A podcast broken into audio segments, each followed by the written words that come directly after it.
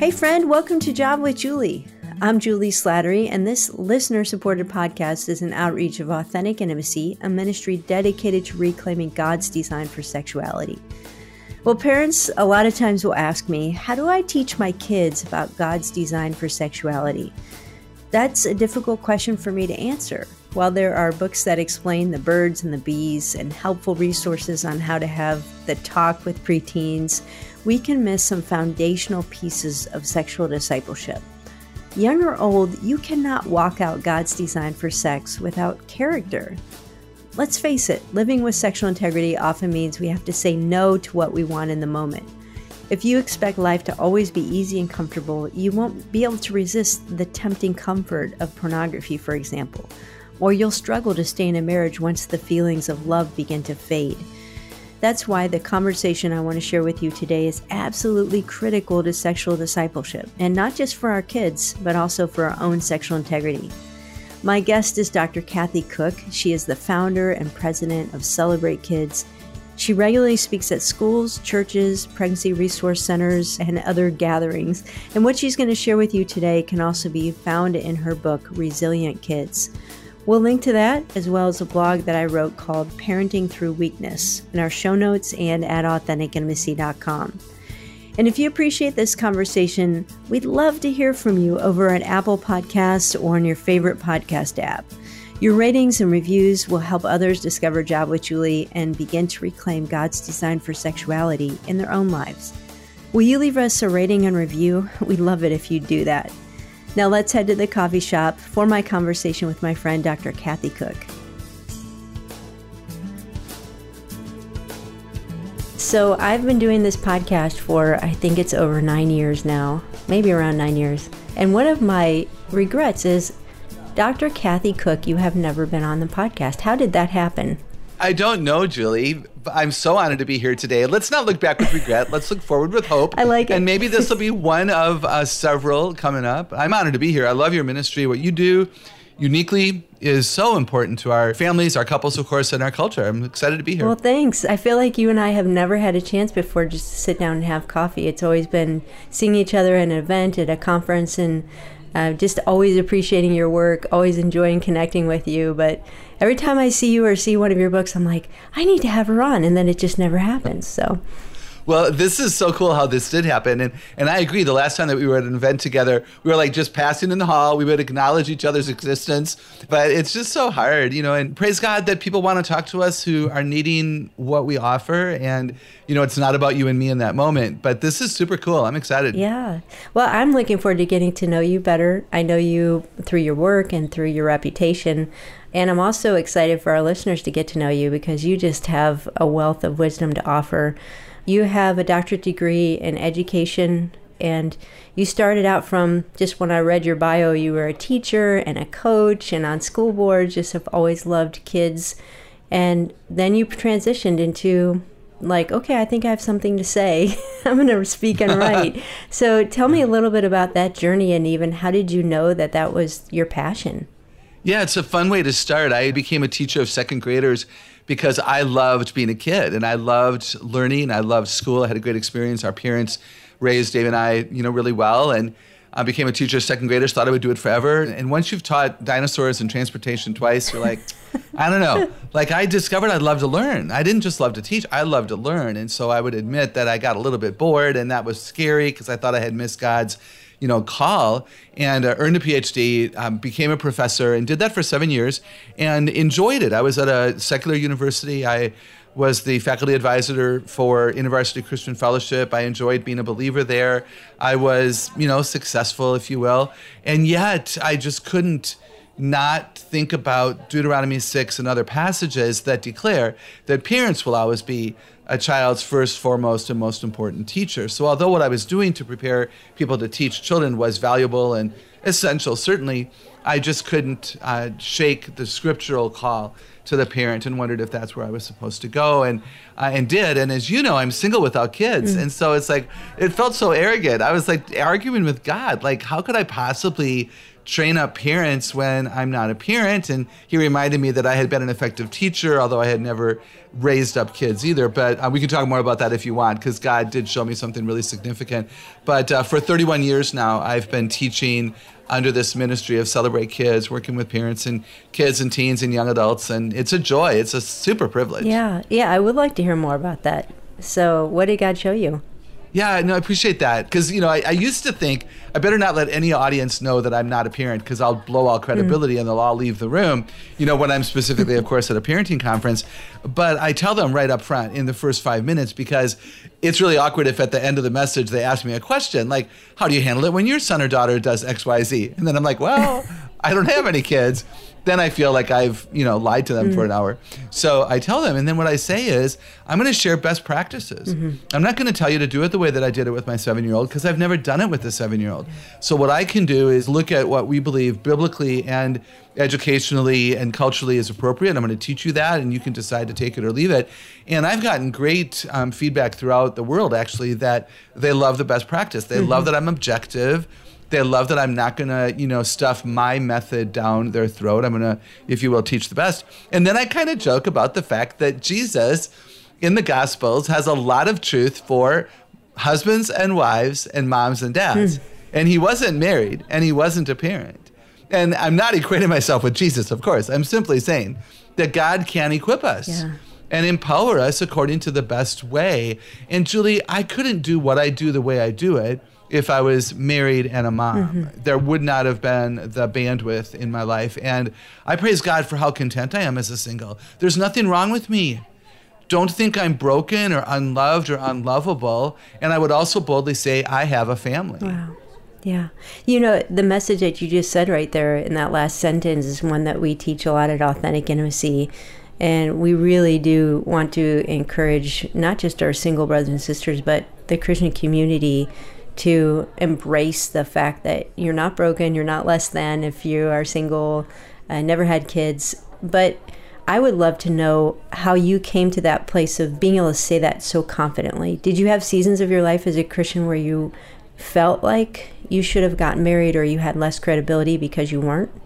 That's a great question, and I don't want to make this difficult for any of our listeners, but the true answer would be no. Mm-hmm. I am called to be single. Mm-hmm. And I think that's rare. I think, you know, the majority of the people who I minister to think that there would be greater joy, more success, more money, more happiness, more contentment if they were married. And of course, I remind them that I would rather go to a restaurant alone with a good book than go to a restaurant with someone and have nothing to say. Mm-hmm. And I see that you know, frankly, everywhere I go. And again, I don't say that lightly. I've never wanted to be married. I dated briefly, high school, college. Uh, my brother married my best friend. Mm-hmm. I have a phenomenal relationship with both of them. When I was finishing up my PhD, my brother and his wife invited me into their bedroom, and they said, Kathy, we just want you to know that if you remain single, our house will always be your house. Wow. Hmm. And Julie, I had no idea I needed to hear that. Hmm. Debbie said, We'll always remember your birthday. Hmm and will always have a bed for you. Because a lot of singles begin to get concerned where will they go on the holiday when mom and dad die? Or what if mom goes from a nursing home and there's no place for me? I didn't even know I needed to hear that. I was modeling contentment, but I was finishing up a PhD, and Deb and Dave knew that you know I'd be relocating and that you know life could you know turn whatever way. And so I do have a room. I have a room and a bathroom in their home. I spend the entire month of December with them. We communicate on a regular basis. Uh, their kids love me. Now, if I didn't have a sibling with kids, this would be harder. Mm-hmm. I would admit that. I'm a real fan of the sibling relationship. So I choose contentment, I choose joy. I have good china and I make myself a steak dinner and serve it on good china sometimes. I buy myself my own flowers, and married women have told me they do the same thing. You know, and so if you have a need, no man or no woman on earth is going to meet it anyway. Yeah. So, you know, do what you can do. And Julie, I'll say one more thing, and I pray this is a blessing. I think there are women and men who idolize marriage. They idolize, you know, maybe a TV or movie image, which I know is rarely realistic. And I think they need to change the prayer, perhaps. Certainly, we pray for ourselves more than the mate we want, mm-hmm. in my opinion. And we change the prayer from, I want what I want, you know, give me what I want, like Amazon Prime. You know, I'm going to order me a man, you know, and I want him delivered today, you know, by three. And we change our prayer, and the prayer becomes, help me to be willing to want for me what you want for mm-hmm. me. Um, make me willing to be willing to want for me what you want for me. Because you know what, Julie? It's a matter of faith. Mm-hmm right? And trust. If I don't trust that this is my best, if I don't trust that God has my best in mind, if I don't believe that this is the best idea for me now, why would I think in marriage that it's my best, right? So, do I trust him for today? If I don't, why would I trust him for tomorrow? So I date somebody, I get married, we have a fight, and I'm like, well, this wasn't right. Yeah. I obviously made a mistake. No, do I trust God now to be my everything and to be the source of joy? If I don't in my singleness, what makes me think so I have that. Do you talk about this, Julie? A grass is greener on the other side of the fence syndrome. Mm-hmm, mm-hmm. Yep, for right? sure. I'm always thinking, you know, if I was married to that guy, I'd be happy. If yes. I had kids, I'd be happy. If I lived in that house, I'd be happy. If I and, wasn't married, just, I'd get, be happy. Yeah, same thing. Yeah, mm-hmm. yeah. I totally get that. I mm-hmm. totally get that because that's the culture billboard. Yeah.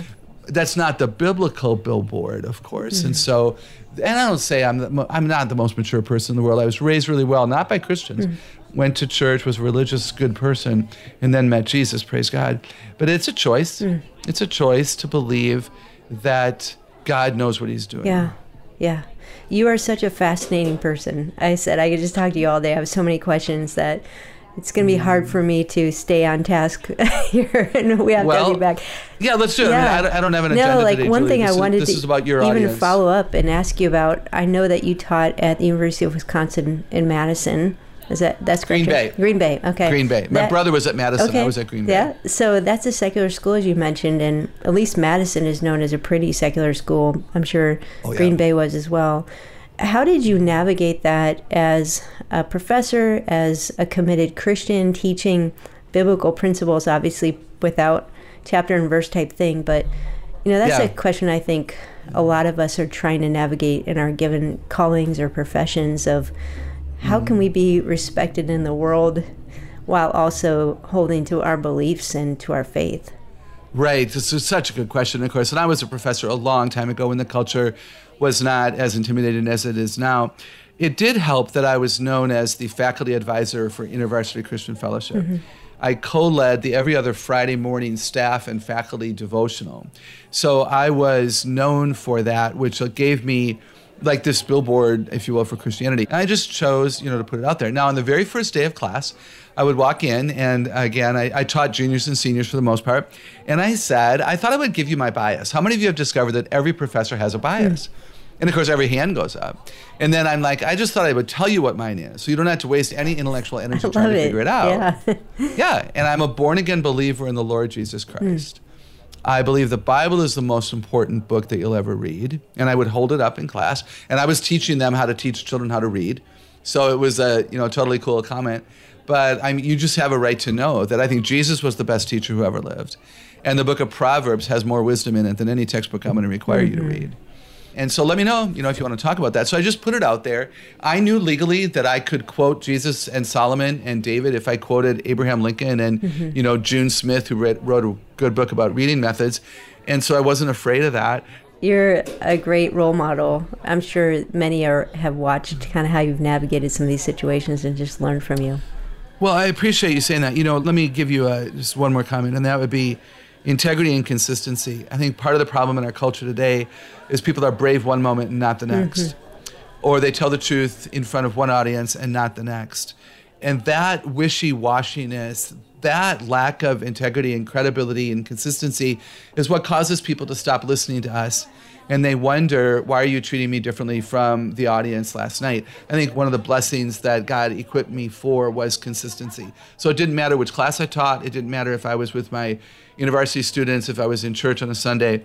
But this is Kathy Koch, and my goal, you know, I'm going, I'm flying out tonight, as you know, and you know, in line at the airport, at a restaurant, you know, tomorrow when I'm at an event, I would hope I'm the same person. Mm-hmm. Consistency, integrity matters greatly. I think we're called to that. I think that's a problem in our culture yeah, today. Amen. And the way that you're tackling that is by teaching parents how do we train our kids with that kind of character mm-hmm. And you're currently finishing a book on character, but you just had one come out specifically on raising resilient children, which is a great topic. You know, I've been listening to some other podcasts that would feature, for example, lectures at Harvard and really respected people in our mm. culture who are saying, you know, the problem with today's young adults is they're not resilient. We've overprotected mm. them, we haven't taught them how to endure through difficult situations. That pain is normal. And so, this particular book that just came out is really instructing parents on the importance of raising resilient kids and how we do that. So, let me ask you first to define what does it mean to be resilient? Right, super place to start. I used to define it as bouncing back from difficulties. And I pictured Tigger mm-hmm. from Winnie the Pooh just being all excited and bouncing, you know, bouncing back from trauma, challenge, difficulty, disappointment. And occasionally that can happen. You know, a young child who's trying to walk at 12 months old and falls down almost always immediately comes back up and mom is there to help of course and that but trauma is not quickly bounced back from all the time so in this book i've defined it as recovering readily from trauma, recovering readily from disappointment, discouragement, fear, grief, shame, frustration.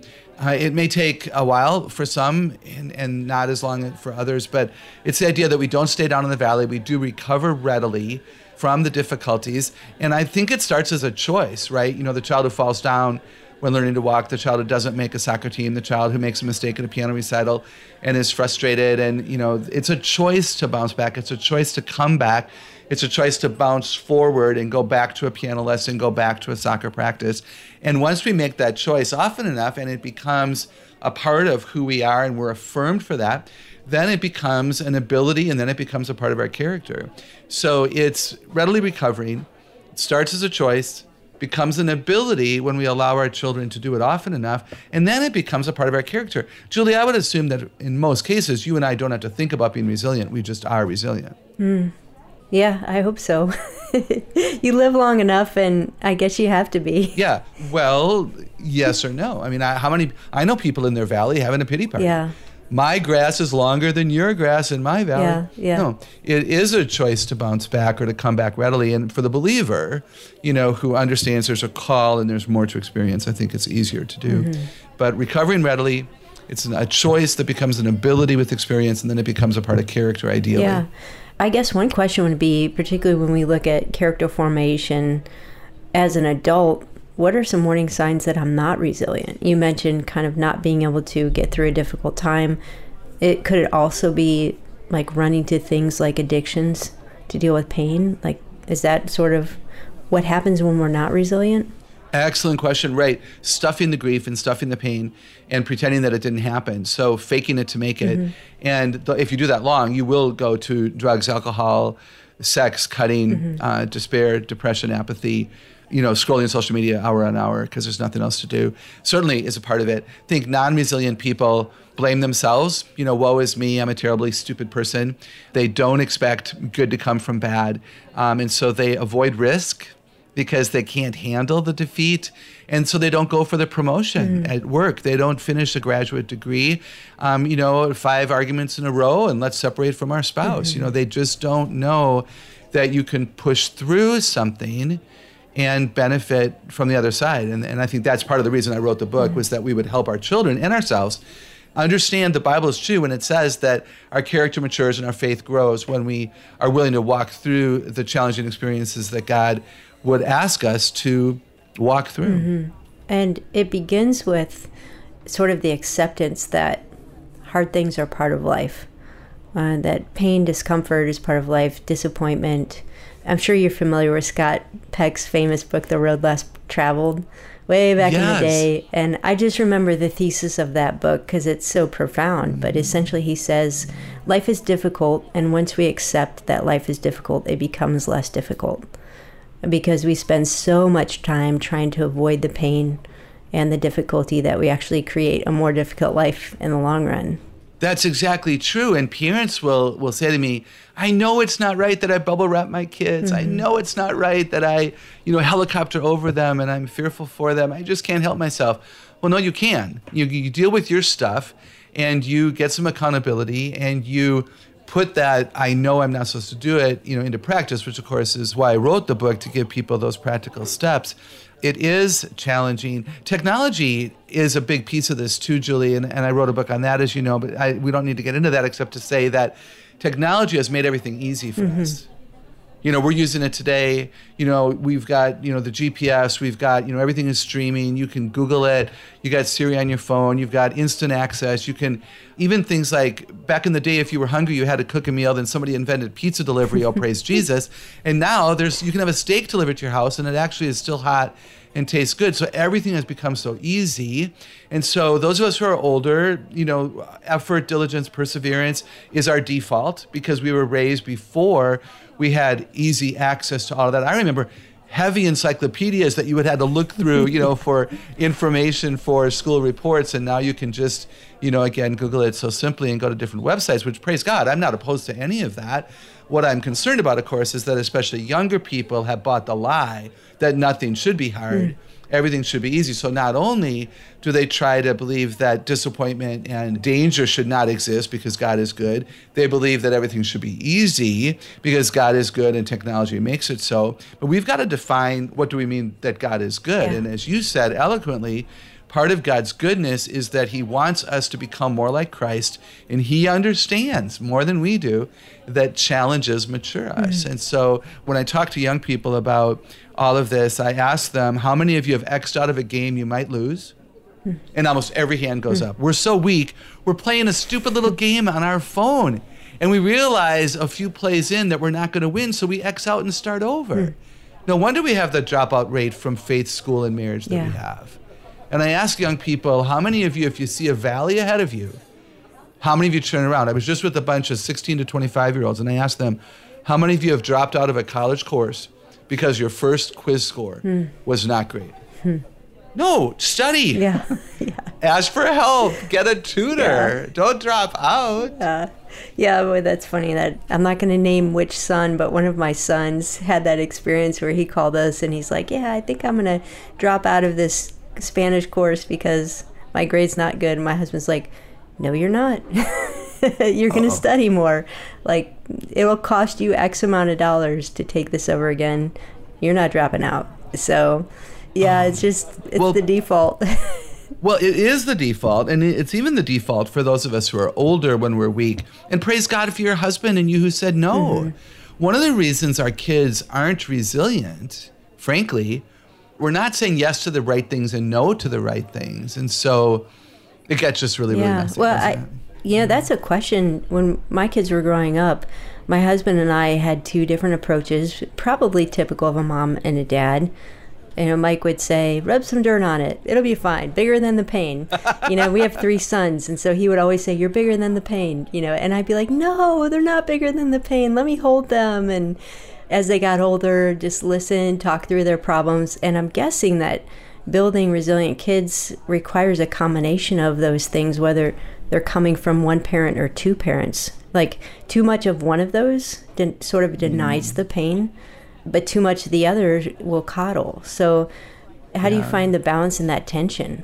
That's a great question. I think one of the keys is knowing our children. Mm-hmm because even two, three, four kids in a family, even a husband and wife, uh, best friends, whatever, we don't all respond the same to the same issue, right? So you might have one son who is really disturbed by a soccer team loss, and the other kid is like, oh, it's no big deal, it's just one game. Mm-hmm. And so when we know our children, and we don't, as Jill Savage says, we don't parent the herd, we parent the individual. Mm and we make sure that we know them so that we know what, what response is best and how long do we comfort and when do we bring up the reality that we have a responsibility in our family. We finish our commitments.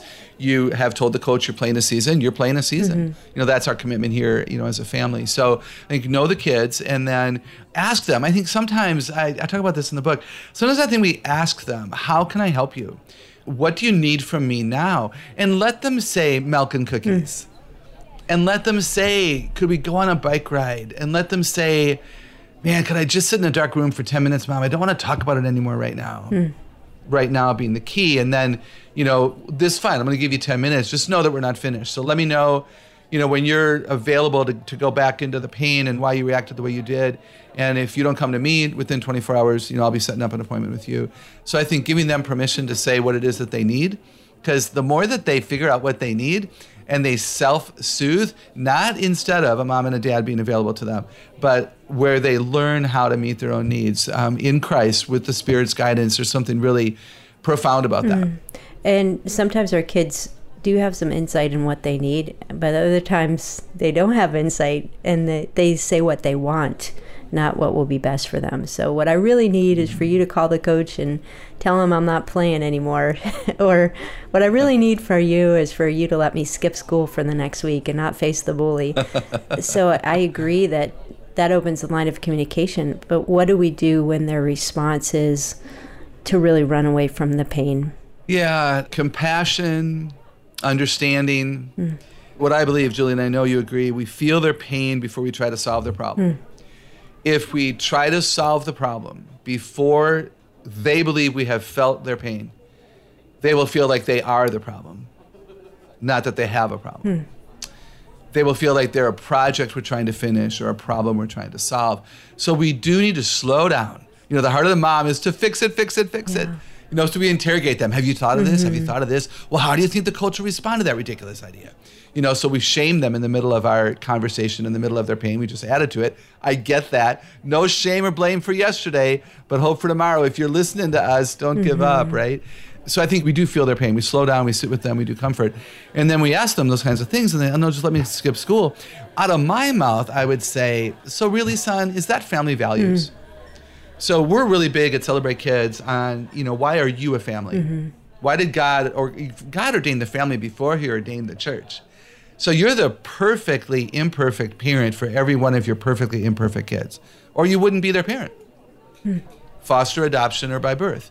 You're the per- so what's about your family? What are your family values? Do we quit? In fact, in the book, there's a manifesto. There's 12 or so statements that in our family we believe this and we do this. And so I think have you as a mom and a dad, do you agree first of all as a couple or a single parent have you have you thought it through and maybe gotten insight from others if you feel like that would be beneficial? And then do we raise up our kids to understand that we persevere, that we push through, that we ask for help? Mm-hmm. We ask for help. There's no shame in asking for help. We prepare differently. Uh, how can I help you with the bully? Would you like me to go with you? Do you want me to call the teacher? You know, is there a skill set you need? Should we practice some conversations? You know, you have you what is it about you that you feel is causing him to bully you? And if a kid says, "My sweatshirts, they're so baggy." Mm-hmm. Oh, well, we can fix that. Yeah. Right? Mm-hmm. I mean, so giving them permission to say that this is painful for this reason. Mm-hmm. Yeah. Um, Kathy, there are, I hate to use this word, but normal childhood bumps and bruises along the way, and they can be really painful getting cut from a sports team, feeling rejected by a group of peers. We can go on and on and list things like that that are can be really difficult, but they're kind of within the category of this is life. And then there are those things that are truly traumatic, where there's a death in the family of somebody, a parent or a sibling, um, where there's some form of abuse, where there's something that happens that is outside of what we would say is the normal scope, a school shooting, you know, some of what we might call big T trauma. How do we respond differently to those events? Right. Isn't it so sad that we have to even talk about that? Mm. And I do address that in the book, as you know, the big T trauma and the little T trauma, you know, being available and being present, grieving with. I think in some cases they are allowed to stay home from school for two or 3 mm-hmm. days you know, I think that's right that the family support system, you know, be there and be really present. Always being willing to talk about it, not getting tired of it. Understanding that grief is not linear. It is a circular spaghetti mess. Mm-hmm. And, uh, you know, just when one kid is finished and becomes a little bit more happy go lucky, the other kid, you know, slides down. So, you know, I teach that you grieve what isn't, you accept what is. And it takes a while, you know, to do that. And you reject the lies. Mm-hmm I'll never be safe again. I'll never amount to anything. I deserve to be bullied. I am so stupid. So you reject the lies while you embrace the truth. What's the truth? I think for big T trauma, one of the most important things for moms and dads to do is to predict the lies that your children are hearing in the middle of the yeah. night. Predict them, mm. listen to the culture, listen to the news reports, have conversations with your kids, watch what's going on and uh, predict the lies and then get them out of the dark mm-hmm. because the light changes everything. Mm-hmm. So reject the lies while you embrace truth. The change process biblically from Ephesians 4 is taking off the old and putting on the new while you renew your mind with the holy word of God. So for children to recover from the big T trauma, we reject the lie and you embrace the truth and then you heal the mind with the word of God. You know, what does God say about trauma and death and defeat and difficulties? And, you know, read some Psalms from David mm-hmm. and talk about no, it's despair is a real thing, but we don't stay there because we're christ's followers and we're called to a better life, if you will, abundant life. Mm-hmm. does not mean we stay there. And then the fifth kind of thing there, Julia, is to work on what you can. Mm-hmm. So grieve what isn't, accept what is, reject the lies, embrace the truth, and work on what you can. So um, can you serve? I'm a huge advocate of service. Yeah. You know, can you go and bake cookies and take them to the first responders? Mm. Can you send a snail mail note to every teacher from the school to say, we're so sorry for the trauma you've experienced I praise God that you've chosen to teach children. What an admirable, worthy profession. Please know that we're on your side. Mm-hmm. Letting children have an effect on what they can have an effect on, and for adults as well, is so powerful. Yeah. When you say, you made that statement, you know, regret is real, sadness is real. I'm just kind of paraphrasing you, but we don't stay there.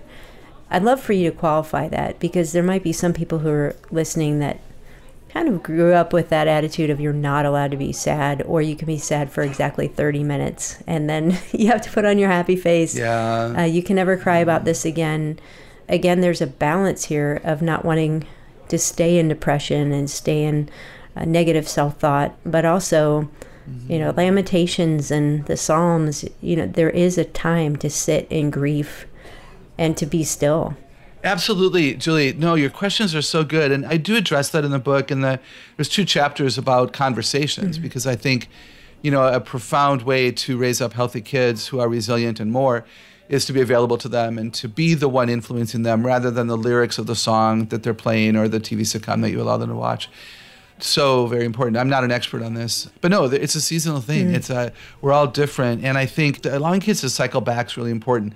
You know, the first day of every month might be a touch point for mm-hmm. you. Like, how are you feeling about this? Because it is okay to cry again. Now, why are you crying? Mm-hmm. One of the biggest things that I think we've got to do, Juli, is help them experience joy and not feel guilty about it.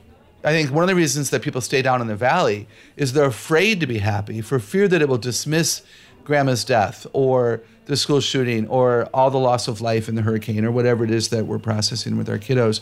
So it's okay to find joy and to be comfortable with that again. It doesn't mean that you have forgotten. It doesn't mean that you have dismissed loss, but it means that you know you're ready to find again more of that mm-hmm. abundance. So it's a balance, Juli. I'm not. I'm rambling a little bit. No, you're not at all. Um, and, you know, oh, and, if that's kind of you. I, and in in this conversation, where we go back to what you said even initially, these are things that we need to continue to learn as adults because we can't give our kids mm. what we don't possess. And so if I'm not processing things well, if I'm resilient, not resilient, and getting stuck in despair or pushing too much to the happy face, that's going to be what my kids learn from me. Yeah, it's so important. Could I share two other yeah. things? Kind of related to this line of questioning that I hope will be a blessing as you know, Juli, boys don't have as much emotional vocabulary as girls do. Women have a vocabulary for emotion. We're angry, mad, frustrated, jealous, ticked off, and just done.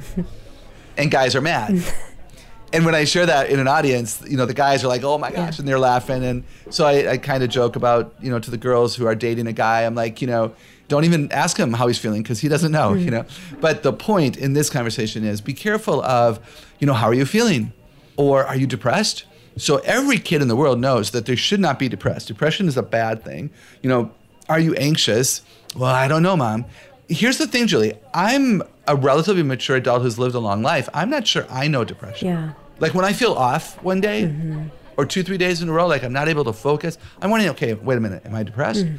I don't know. And so we ask our kids, are you depressed?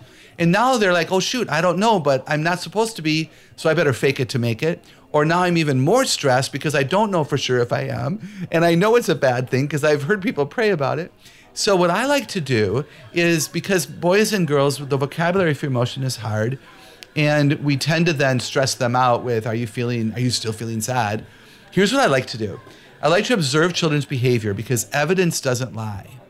So we say to our daughter, Hey, Katie, normally you come down and help me fix dinner four o'clock ish and we cut the vegetables together and we have our chat about the day. And I've really enjoyed those connection moments with you. And I've noticed for the last three nights you haven't come down to join me. Mm-hmm. So what's up with mm-hmm. that? Mm-hmm. You know, we say to a son or a daughter, you know, normally when you are playing a new game with your younger brother, you're compassionate and careful and patient and you explain things really well. I was eavesdropping from the den and you were cruel to your brother tonight and you made him cry and run off. And I'm just wondering, that's about you, that's not about him. What's up with that? Mm-hmm. In other words, something has changed in you that is causing your behavior to change because evidence doesn't lie. Yeah. So I've noticed that you're critical. I've noticed you're impatient. I noticed you're not involved. I noticed that you're isolating. Something's happened what are you thinking, processing, feeling? Let's talk later tonight. I'd love to know what's mm going on. And even as you're describing that, I can see that same sort of conversation happening in a marriage couple or in a friendship. Mm-hmm. If one person, whether it's the husband or wife, doesn't have those feeling, emotion type senses, pointing out behavior, pointing out tendencies or changes is something like, hey, you just feel a little off. Is everything okay? Like, that's something that my husband and I sometimes will say to each other. Like, is everything okay? Like, you just seem like you're really hassled today. And I have to say, I think I taught my sons really well how to identify emotion, and they're probably better at it than I am. so good for you. I'm not good very good at it, but somehow mm. I taught them. But I can be so much in my head I speak my emotions more than feeling them. Yeah. And so it's not always even gender specific. Sometimes my husband's better at pointing that stuff out than I am. So No, I love that. I'm the same way. I'm a thinker before I'm a feeler. Yeah. And so we have vocabulary, but it doesn't mean we're good at identifying yeah. what we're feeling or that we want to talk about them. And that's one of the bad things about, you know, gender. It, there's a lot, in my opinion, that's written about men are this way and women are that mm-hmm. way that is not true which is one of the reasons that people question their gender. Yeah. So we've got to be really careful of that. Yeah. Praise God that your boys are, are good at that because it's a, it helps us be resilient. It helps us know, you know, how we're reacting and what we can do next. Yeah. It helps us to understand people, which is what the world's all about. Mm-hmm. Is there ever a place where we introduce troubles for our kids or we introduce hardship? You know, life brings enough hardship, but the reason I ask that question is probably a few years ago, I really started to think about this word discipline. And I was studying Hebrews 12 in relation to Hebrews 11, which is the Hall of Fame of Faith.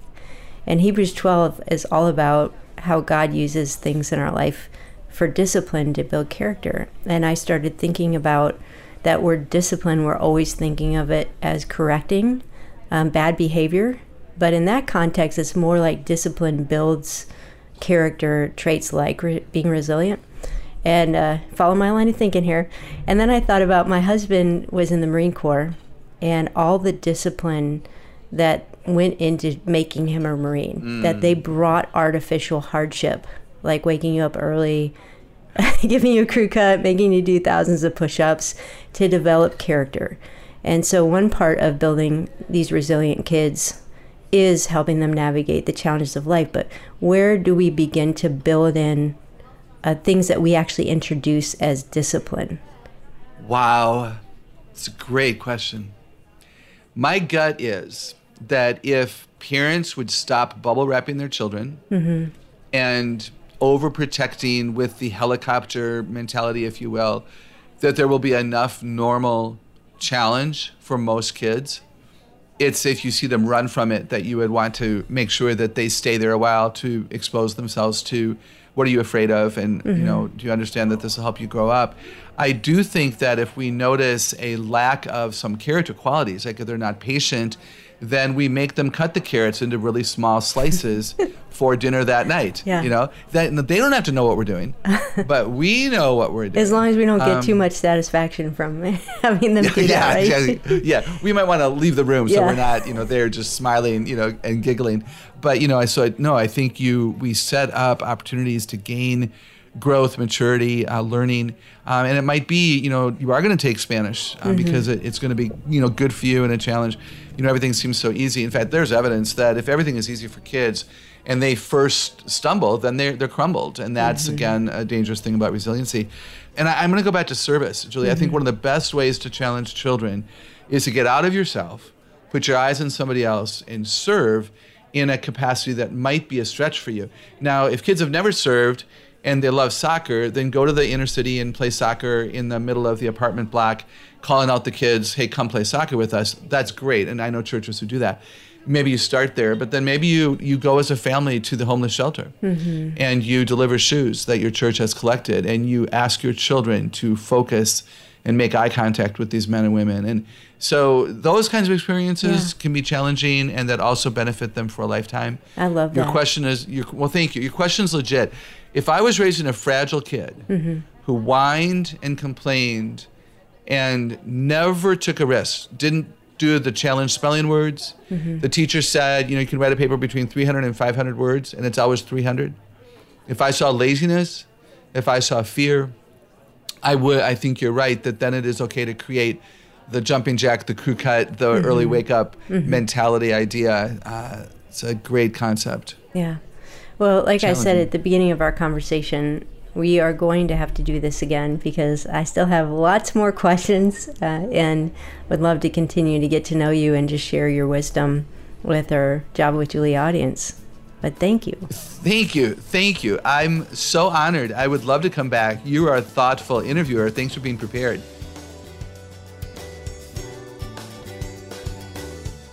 Well, I'm truly grateful for the work and ministry of Dr. Kathy Koch and the gifts God has given her. I encourage you to pick up a copy of Resilient Kids and take a look at her other resources at Celebrate Kids. We'll link to the book and her website and our show notes and at AuthenticIntimacy.com. I'd also encourage you to check out the blog I mentioned, Parenting Through Weakness. That link will be there as well, and don't forget to leave us a rating and review in your podcast app. Thanks for listening, and I look forward to having coffee with you next time on Java with Juli.